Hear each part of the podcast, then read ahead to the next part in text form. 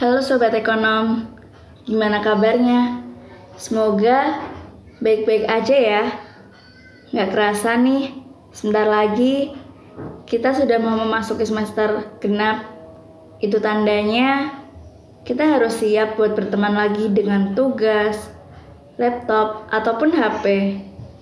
Nah, benar banget. Tahun baru, semester baru. Dan tentunya kegiatan perkuliahan dan kegiatan organisasi bahkan kesibukan-kesibukan lainnya bakal menemani kita selama satu tahun ke depan.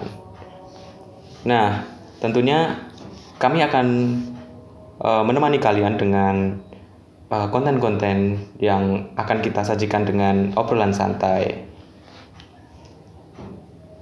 Jadi sebelum kita lebih jauh ngobrol, lebih jauh membahas tentang topik-topik yang menarik, uh, lebih afdolnya lagi kalau kita kenalin dulu nih tentang ala-ala podcast kita.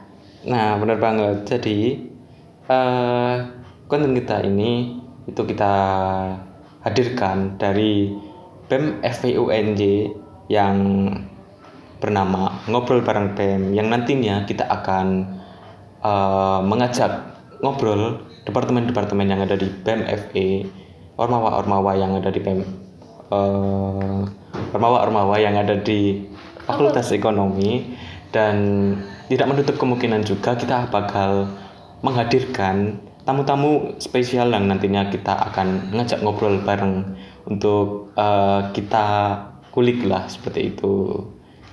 Dan yang pastinya pembahasan yang akan kita bawa di ala-ala podcast ini relate dengan kehidupan mahasiswa nih.